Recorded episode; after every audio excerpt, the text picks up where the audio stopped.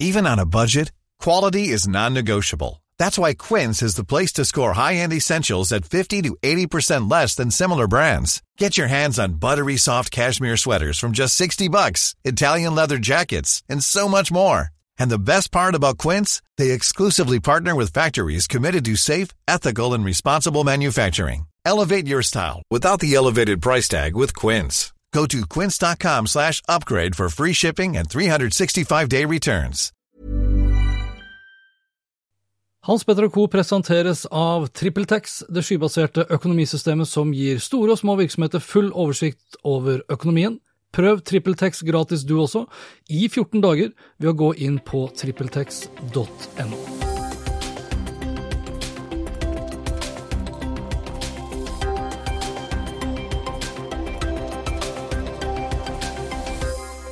Legg ned markedsavdelingen, for nå er det growth hacking som gjelder, skrev Kjartan Slette, gründer og toppsjef i Unakast i E24 tilbake til 2015.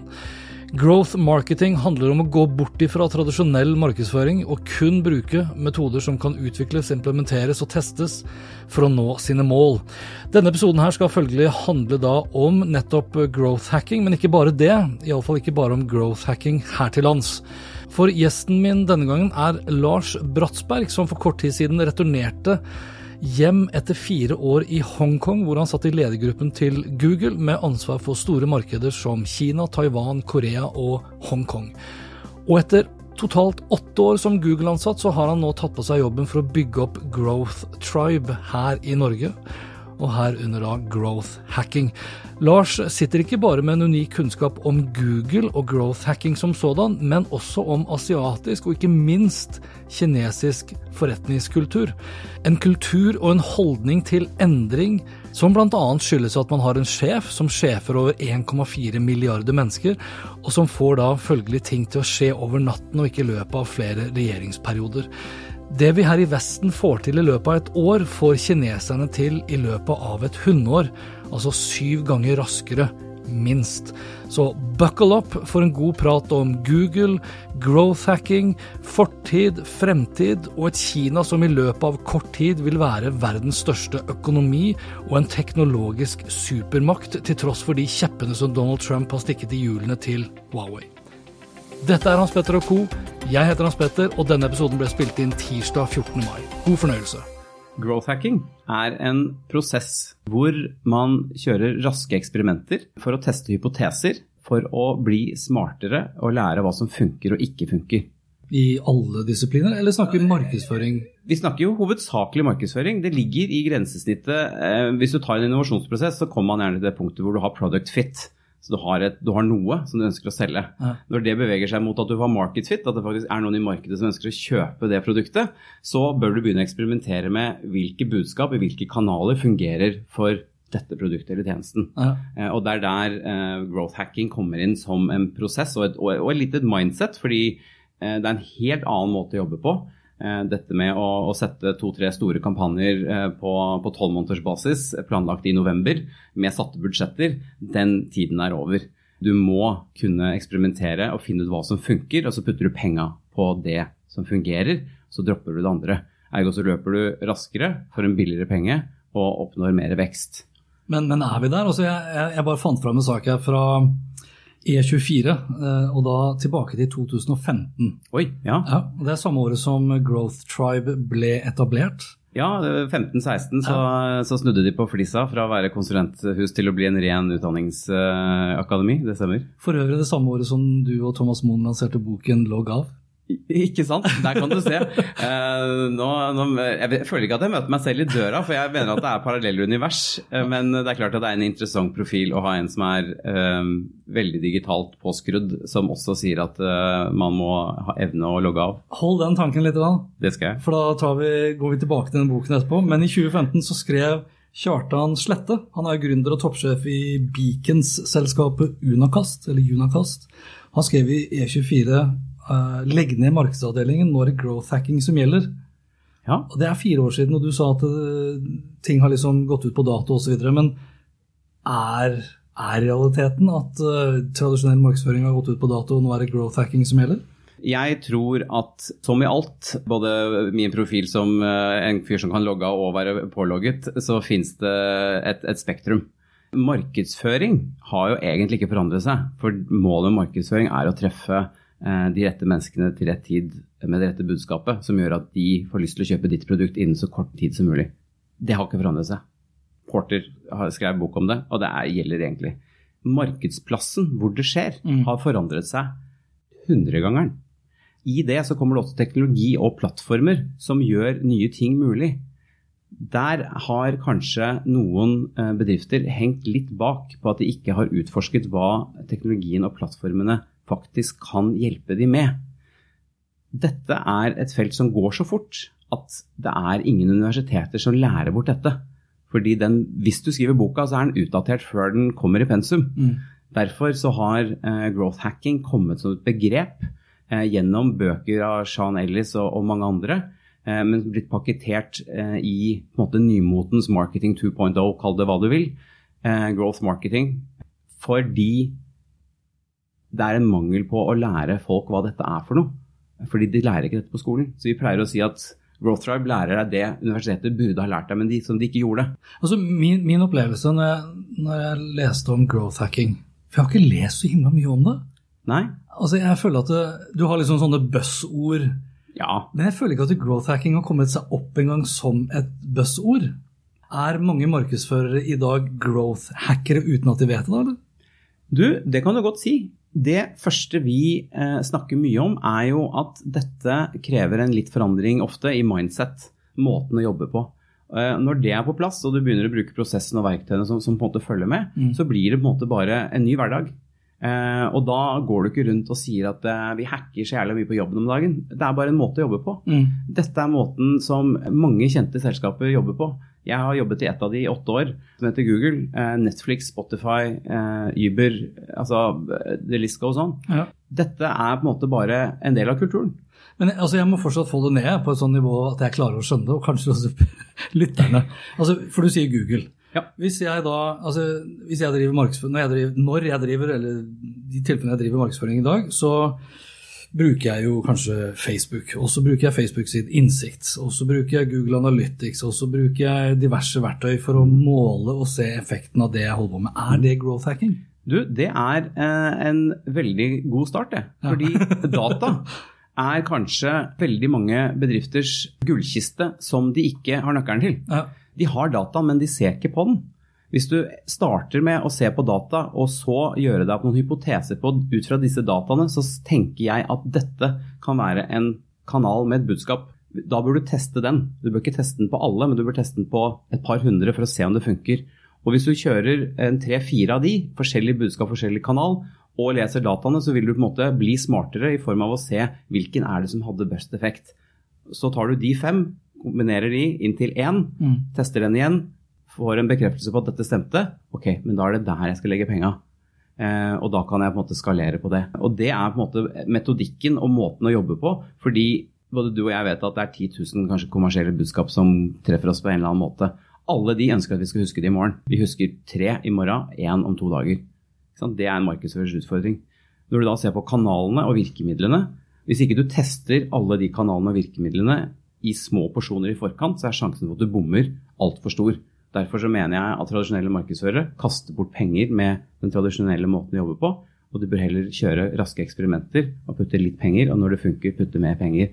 Og putte mer penger etter hvert som veksten faktisk kommer, og ikke gå rundt med magefølelse og håpe at kampanjen eh, treffer. Ikke Halvparten av markedsmidlene, eller markedsføringen forsvinner, du vet bare ikke hvilken halvpart det er. Ja, og den tiden er over, altså. Nå, er den tiden over også? Ja, jo, men det er litt tilbake til det Hvis du har data, altså data trumfer alt. Ja, ja. Det trumfer magefølelse, det trumfer, trumfer um, opinions i mangel av et uh, norsk ord.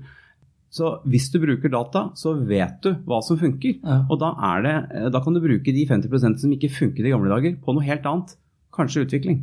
Men det er jo grunnen til at The Growth Tribe eksisterer, og det er antakeligvis fordi det er veldig mange som fortsatt lytter til magefølelsen. så det har jo ikke, altså En ting er at ting har gått ut på dato, en annen ting er hvorvidt da folk velger å bruke det som har gått ut på dato. Tilbake til artikkelen din fra 2015 i E24, hvor da Growth Tribe ble startet. eh, så tenker jeg at det har jo vist seg at det er et behov for dette. Vi var et konsulentselskap eh, da som eh, innså at bedriftene ble ikke noe smartere at vi hjalp de å flytte deres metrics. Så vi ble en ren utdannelsesinstitusjon okay. for å opplære selskaper i å evne å ta dette selv og, og leve med det som en del av kulturen. Ja. Og det er tre år siden. Vi har trent opp 10 000 mennesker på tvers av 900 bedrifter i de syv landene vi nå er i.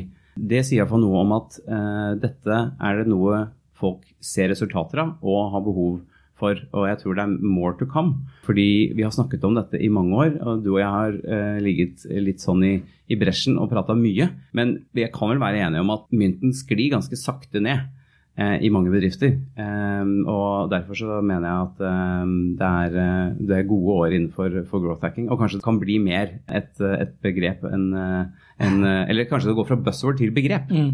Ja, for nå lurer vi litt på det, og så blir det buzzord, og så blir det egentlig bare en del av hverdagen. Det må være målet. Du har litt lyst til å gå litt sånn tilbake i tid, egentlig. Fordi du, du er jo forholdsvis fersk nå i Growth Tribe. Ja. ja og for de som uh, ikke kjenner deg godt, så har du jo en ganske lang bakgrunn fra Google. Det har jeg. Et ikke ubetydelig selskap. Nei. Åtte år ble det. Ja. Hvis du skal se tilbake på de åtte årene, uh, for jeg vil anta at det var åtte gode år. Det er åtte fantastiske år. Ja. Eh, Google er stemt frem som være en av verdens beste arbeidsplasser, og det kan jeg skrive under på at eh, det, det, er det. Hvis du skal oppsummere åtte år, hvordan har det påvirket både næringsliv og liv på godt og vondt?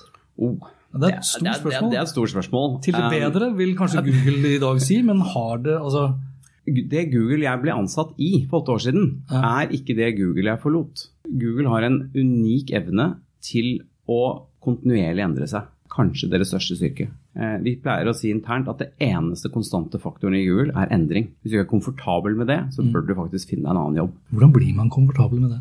Nei, fordi mennesker er jo strengt talt eh, vanedyr. Ja. De er ikke glad i endring. Ja, ja. Um, så det går vel litt på den, de type mennesker kanskje Google eh, tiltrekker seg og, og søker etter, er de som kan leve i konstant endring. Og det er ikke for alle. Vi har også ansatt en del mennesker, så jeg har stilt noen spørsmål på om det er, er, noe man liker, fordi det er helt essensielt. Og så går det grisefort. Et år i Google føles som seks måneder når du er på innsida.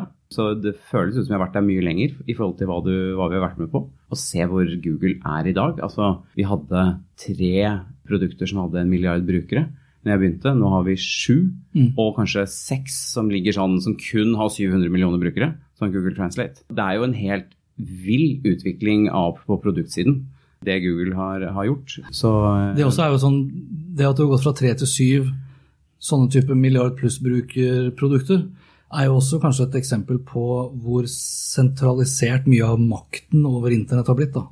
Du, Det er mange, mange, grunner til det, og at Google har hatt en god posisjon. Ja. Eh, som gjør at man selvfølgelig kan eh, eh Den posisjonen gjør at du også har mulighet til å tilfavne mye brukere på nye produkter. Ja. Men vi prøvde jo også på sosial medieplattform. no eh, Mange ganger òg. Eh, ja, for så vidt. I flere varianter. Men liksom den famøse G pluss endte vel egentlig i eh, Google Fotos-appen. Ja. Det var vel det eneste vi tok ut av Google Pluss, var vel å lage en Google Fotos-app, som jeg mener er steinbra. Men fordi fotografene omfavnet Google Pluss, så begynte folk å se å, her ligger det noe. Mm. Um, og så kom jo egentlig spin-offen av Google Pluss, er Google Fotos som jeg mener er en, en liksom verdiøkende applikasjon med, med, med ja. lagring av, av, bilder i skyen og sånn.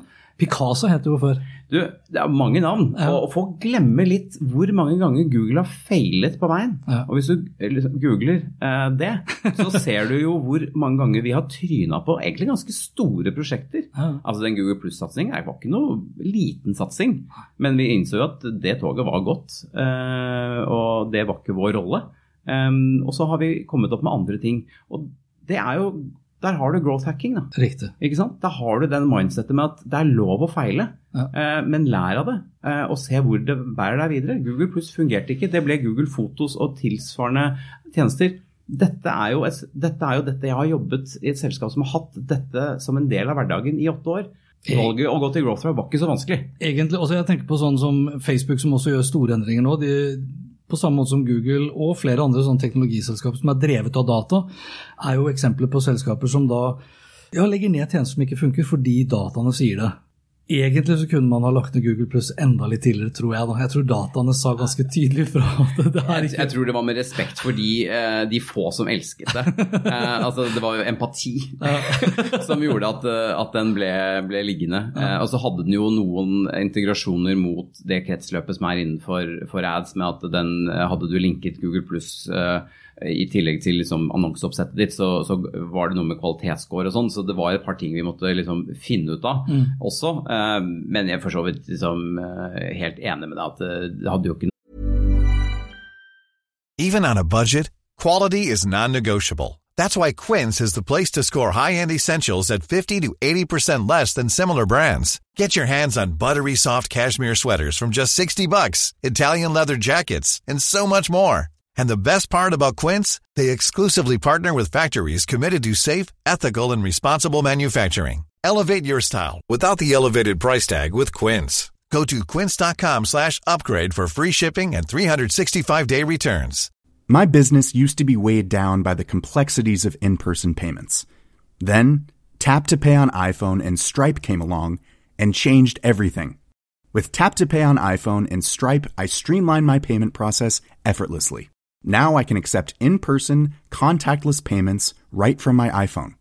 No extra hardware required. What's truly remarkable is how I can cater to all of my customers' payment preferences. Whether they're using cards, Apple Pay, or other digital wallets, Tap to Pay on iPhone and Stripe ensure a smooth checkout experience every time. And it's not just me. Stripe helps businesses of all sizes, from local markets to global retailers, scale quickly and stay agile. To learn how Tap to Pay on iPhone and Stripe can help grow your revenue and reach, visit stripe.com slash tapiphone. Det var jo ikke, det var ikke mange som refererte til så du posten min på Google Pluss uh, etter hypen ga seg.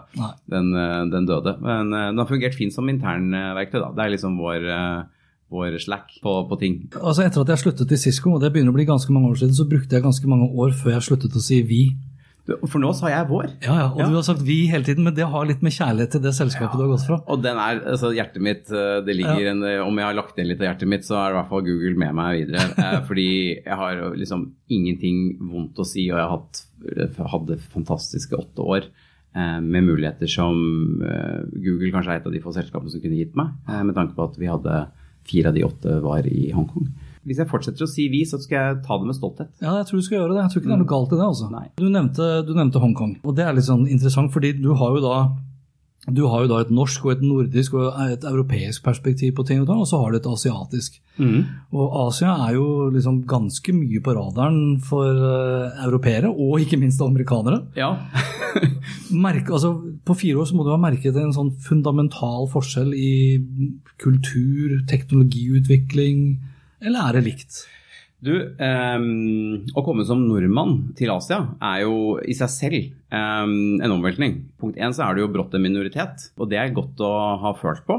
Uh, å være den eneste, altså Grunnen til at de snakker engelsk i et rom, er fordi du går inn. Ja, du er byrden. Uh, ja, um, Og ikke alle er så gode i engelsk, så du vet at du pålegger dem noe som de syns er vanskelig. Mm. Følelsen av å være 40 år, uh, eller i 40-årene. Ja. Eh, hvit og få komplett respekt idet du går inn i et rom, er også noe som, som nordmann er eh, utrolig vanskelig å, å, å, å, skjønne. Det tok meg litt tid mm. før jeg klarte å Men er det derfor du fikk respekt? Fordi du var hvit, ja. tror du det? det eller, eller vet altså, Kulturelt. Ja, jo, fordi ja. dette Jeg måtte jo jeg måtte spørre om råd. Eh, for jeg syntes det var vanskelig. Ah, okay. Eh, fordi Hvis jeg går inn med en norsk mentalitet, da, hvis du går inn i et rom som egentlig er folk står og småskravler litt, Um, og du går inn i et rom og egentlig skal hilse på et par folk og du skal kanskje si noen ord i starten på et møte. Det var egentlig rollen. Uh, og så går du inn, og så blir det helt stille, og alle snur seg mot deg. Og du ser at kineserne begynner å uh, skyfle sine liksom, VPs uh, med Jeg hører ordet um, Laiban, som er sjef på, på, på kinesisk. Mm. Og så er det full eh, liksom, visittkortutvelgelse, og det tar en 20 minutters prosess. um, jeg regnet ut at jeg har brukt 3500 visittkort på fire år i Hongkong. Jeg hadde vel en bunke på 250 på Oslo-kontoret som var eh, halvfull når jeg dro. Ja. Og det var rart. Kanskje en av de tingene som det tok lengst tid å, eh, å ta inn over seg, at dette kan jeg ikke endre. Med teamet og de nærmeste på jobben som var lokale, så klarte jeg det. Eh, fordi du kjenner de så godt at eh, du kan si at nå må vi bare legge dette bort. Men, eh, så, så du, du, snubler litt. Ja. Um, og, og ta imot visittkort med to hender. Legge det en dedikert skinnmappe som helst skal ligge i lommen nærmest hjertet. Uh, ikke skrive bakpå visittkortet, for da har du en fiende for livet. Det er en del sånne Oi. klassiske ting som uh, typisk hvordan nordmann, amerikanere og vestlige folk uh, går på en, en smell i begynnelsen. Men der har, du, der har du en bok fra? Altså med, ja, men altså det er helt sånn seriøst med tanke på hvor, hvor mye mer vi antakeligvis kommer til å holde business med eh, Asia fremover. Helt, altså for meg så eh, Jeg besitter en kunnskap som eh, er verdifull, ja. eh, vet jeg, eh, fordi det er så mange helt sånn klassiske fallgruver. Ja. Og, og, så sier du liksom Asia, og det er veldig folk liksom eh, Du har vært i Asia. Hvis du bare ser på tvers av Asia, så ser du at måten du oppfører deg i Sørøst-Asia versus India versus Kina versus mm. Japan er jo fire verdensdeler. Altså det er stor forskjell mellom Sverige og Norge òg? det kan du si. Eh, men der nede så er det på en måte bare diametralt annerledes. da. Og Hvis ikke du eh, skjønner det eh, i business-sammenheng, så kommer du til å bare bruke veldig lang tid på å komme dit. Fordi tillit ligger så ekstremt sentralt. Jeg tok jo et eh, executive-kurs på universitetet i Singapore som var um, doing business across different cultures. Og det de sa var at i eh, Europa og USA så er kontraktene 400 sider. fordi hvis det går gærent, så er det eh, juridisk kontrollert. I Kina så er den samme kontrakten tre sider, for hvis det går gærent, så er alt basert på tillit. Og kommer du med 400 siders kontrakt i Kina, så får du ikke det oppdraget. Det vil si at du må bruke et år på å bygge tillit og være sikker på at du har funnet rett partner. For alle kinesere har et mantra at hvis ikke, det er ikke en god dag uten at de har lurt noen. Det må man også huske. Og da er det en helt annen verden å operere i. Eh, både som ansatt og leder, men også hvis du skal gjøre business, som sikkert mange kommer til å gjøre. fordi spesielt kanskje Kina eh, er jo litt overalt om dagen. Eh, de har levert elektriske busser til Oslo Sporveier. Det er litt, det er litt sånn pussig at det, tillit er så ekstremt viktig i Kina, når man vet at uh, måten å demonstrere tillit på er å overvåke helt ned til uh, skjelettet. Altså, uh, listen over over forskjeller eller uh, ting som vi stusser over, uh, den er jo lang. For det er klart at um, jeg leser overskrifter om GDPR um, i Europa uh, og, og, Norge, og alle som var så over seg over de forferdelige endringene som måtte til, og hvordan skal vi forholde oss til dette. og og sånn. Og så bor du i en region hvor du opter ut av GDPR idet du blir født. Og du kan ikke opte inn heller? Nei. Nei. Eh, da må du flytte ut da eventuelt. Ja, og få dette annet statsborgerskap. Så det er klart at det er mange, eh, hvis vi liksom skal snakke Kina, fordi eh, India altså Du kan ikke ta dette under én kam, det er egentlig poenget mitt. Men hvis vi tar Kina, da, som jeg på en måte var en del av ledergruppa for på tvers av Kina, Korea, Taiwan og Hongkong, så Altså, Kina har et styresett som man kan diskutere i timevis. Eh, måten de gjør ting på, er jo ikke sånn som vi ville gjort det. Men de har nå et styresett som gjør at hvis eh, Jinping sier noe, så blir det sånn. Det medfører jo en effektivitet som gjør at eh, det landet løper eh, raskere enn alt annet. En herværende sjef i PNG eh, sa jo at eh, å jobbe med Kina er som å jobbe i 100 år. Det som tar Kina ett år, hadde tatt oss syv. Så vi snakker ikke dobbelt så fort, vi snakker altså en, en syv ganger i hastighet. Det betyr jo at når jeg flyttet til 2015, så var Shenzhen en by på 10 millioner mennesker. Eh, ganske forurenset, men for så vidt en sånn tech-hub. Nå er alle taxier, all offentlig kommunikasjon blitt elektrisk. Det startet ikke med 2015, det ble bestemt i 2017 og var gjennomført i 2018. Det er million, det er 12, nå er den 12 eller 15 millioner menneskers by. Vi, vi, brukte vel 20 år før vi bestemte oss for å bygge ut Gardermoen, tror jeg. Ja, ikke sant? Og så, så kan du liksom ta det som et, eh, et eksempel og, og, og, la det synke litt inn på hva er det det betyr. Ja, de har et styresett som gjør at de kan gjøre det. Fair. Men hva lærer det kineserne om å få gjort ting? Og hva er det de tilegner seg? Tilbake til liksom growth drive, det å løpe raskere ja. og, og, bli smartere.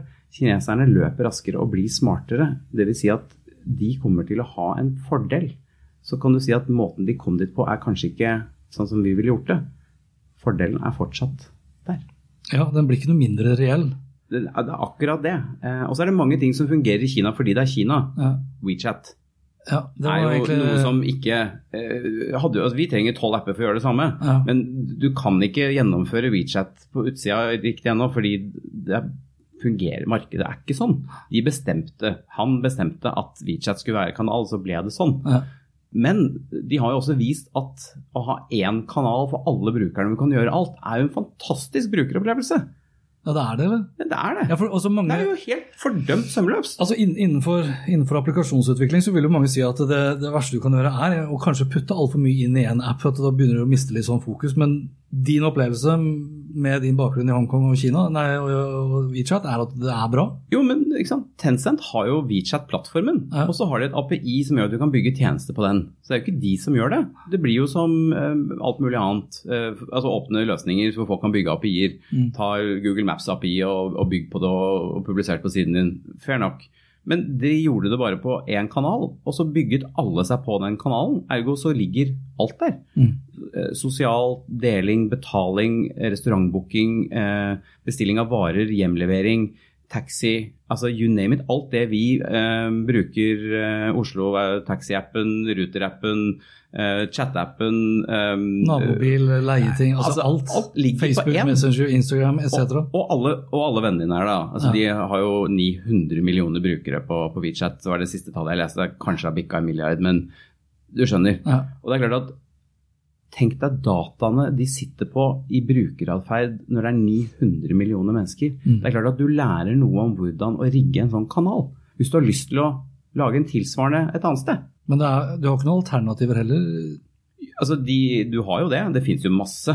Altså, Det finnes vel syv uoffisielle appstores i Kina. Ja, men Du vil ikke få den samme brukeropplevelsen. De har på mange måter egentlig fått seg det monopolet som liksom Facebook på mange måter har på blitt andre områder. Den prefererte som selvfølgelig da butikker og alt annet bruker. Ja. Eh, men så skal du ikke glemme at du har jo i dette så har du jo to wall gardens. da. Du har Ali, og så har du Tencent sin. Mm. Og i WeChat så kan det hende at du finner et produkt. Og hvis du da havner i Ali sin verden, eh, og du ikke har AliExpress og AliPay, så får du ikke gjort noen ting. Eh, hvis du skal over i Tencent sin, eh, så er det på en måte Tencent sine måte, applikasjoner som gjelder. Og det er egentlig de to økosystemene du har i Kina. Ja, Og så er alt murt inn da i ja, Kinas altså, internett? Det, ja, det er det også, selvfølgelig.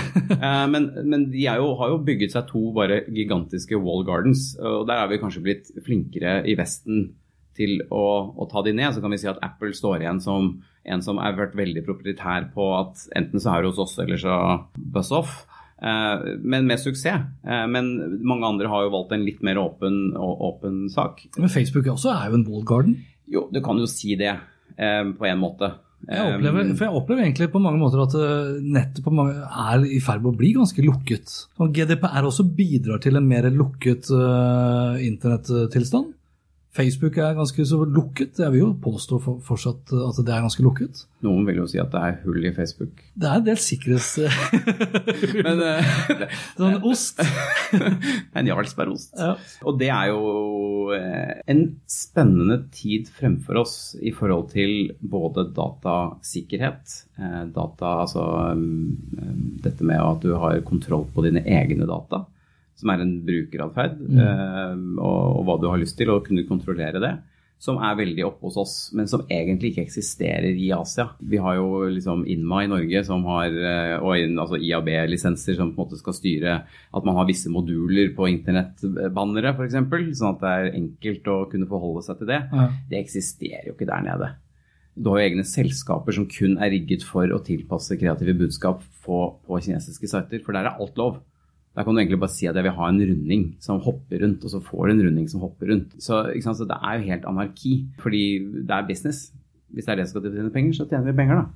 Um, Men det er, er ikke så, de, så det, er, det, er, bare Det er så mange ting da som er så ikke, altså, du kommer med et, et, et, et hode med, som er fylt med masse antagelser og regler som du er vant til. Og de må du bare ta bort eh, hvis du skal se muligheter. Fordi mulighetsrommet er så mye større. For det er eh, ikke noen regler. Med unntak av at Kina styrer ganske mye innenfor Kina. Men innenfor Kina så er det jo egentlig eh, det, mye, det, det, meste er mulig, da. Så lenge du liksom følger de altså, du, må, du må bare du må, du må, Hva heter det? Du må akseptere at alt du gjør, blir overvåket. Ja. Men innafor det som er lov, innafor hva Kina mener er akseptabelt, eh, så kan du gjøre hva du vil, er det det du sier? Ja, altså sånn i prinsippet så er det jo eh, ingen liksom sånne bransjeforum som uh, liksom styrer det, litt sånn som vi har hatt her hjemme. Ja. Um, så det er jo en sånn fascinerende, frustrerende løsningsorientert verden som du egentlig ikke helt skjønner hvis ikke du har bodd der. Så, eh, Skriv bok, da. Gjør det. Ja. Men hva, hva, tror du da om de neste åtte årene? For hvis du har da, da har du et Europa med GDPR, som for øvrig kineserne ler litt av, for de vet jo at det er ikke akkurat eh, Det fremmer jo ikke innovasjon. Nei. For dem slik de ser det, i hvert fall. Ja. Og så har du da Kina, eh, og ja, jeg sier Kina og ikke hele Asia, for det er Kina mest av alt som er lokomotivet. Mm. Og så har du amerikanerne, som er et sted midt imellom, føler jeg. De, de, ja. Om dagen så føles det ut som de legger seg mer på GDPR-siden, for de har jo sett bl.a. hva Facebook har bidratt med mm. når det kommer til personvern. Hvor, hvor, tror du vi står om åtte år? Er det, sitter Kina igjen og ler, og vi andre lurer på hva som traff oss? I raden av store spørsmål du stiller. Ja, ja. Det hjelper ikke da med growth hacking. um, jeg tror det kommer til å, i en periode i de åtte årene, uh, krystallisere seg at du må forholde deg til de store plattformene som fins. Kina sine plattformer er en av de, eller to-tre, avhengig av hvordan du definerer det. Og så har du Europa som er veldig GDPR-styrt, og det må man forholde seg til. Det må mm. amerikanske selskaper som opererer i Europa forholde seg til. Ja. Eh, og så kan det godt hende at eh, amerikanerne følger litt etter, fordi det er kanskje enklere å bare gjøre det som én løsning på tvers av alt. Eh, samtidig så har jo USA den meltingpotten de har rundt liksom, Silicon Valley, og, og det løper jo som bare rakkeren, det. Hvis du blåser opp dette til eh, i helikopterperspektiv, så er det klart at det er ikke noe tvil om eh, mellom Kina og USA hvem som kommer til å ha den største økonomien i verden. Ja, si det. Det er Kina. Ja. Eh, ergo og det er en grunn Hva til at, gjør det med ego da til USA? Det vet jeg ikke. Det får seg nok en kraftig knekk. Ja. Fordi My business used to be weighed down by the complexities of in person payments. Then, Tap to Pay on iPhone and Stripe came along and changed everything. With Tap to Pay on iPhone and Stripe, I streamlined my payment process effortlessly. Now I can accept in person, contactless payments right from my iPhone. No extra hardware required. What's truly remarkable is how I can cater to all of my customers' payment preferences. Whether they're using cards, Apple Pay, or other digital wallets, Tap to Pay on iPhone and Stripe ensure a smooth checkout experience every time. And it's not just me. Stripe helps businesses of all sizes, from local markets to global retailers, scale quickly and stay agile. To learn how Tap to Pay on iPhone and Stripe can help grow your revenue and reach, visit stripe.com slash tap iPhone. Why don't more infant formula companies use organic, grass-fed whole milk instead of skim? Why don't more infant formula companies use the latest breast milk science? Why don't more infant formula companies run their own clinical trials? Why don't more infant formula companies use more of the proteins found in breast milk? Why don't more infant formula companies have their own factories instead of outsourcing their manufacturing? We wondered the same thing. So we made ByHeart, a better formula for formula. Learn more at byheart.com.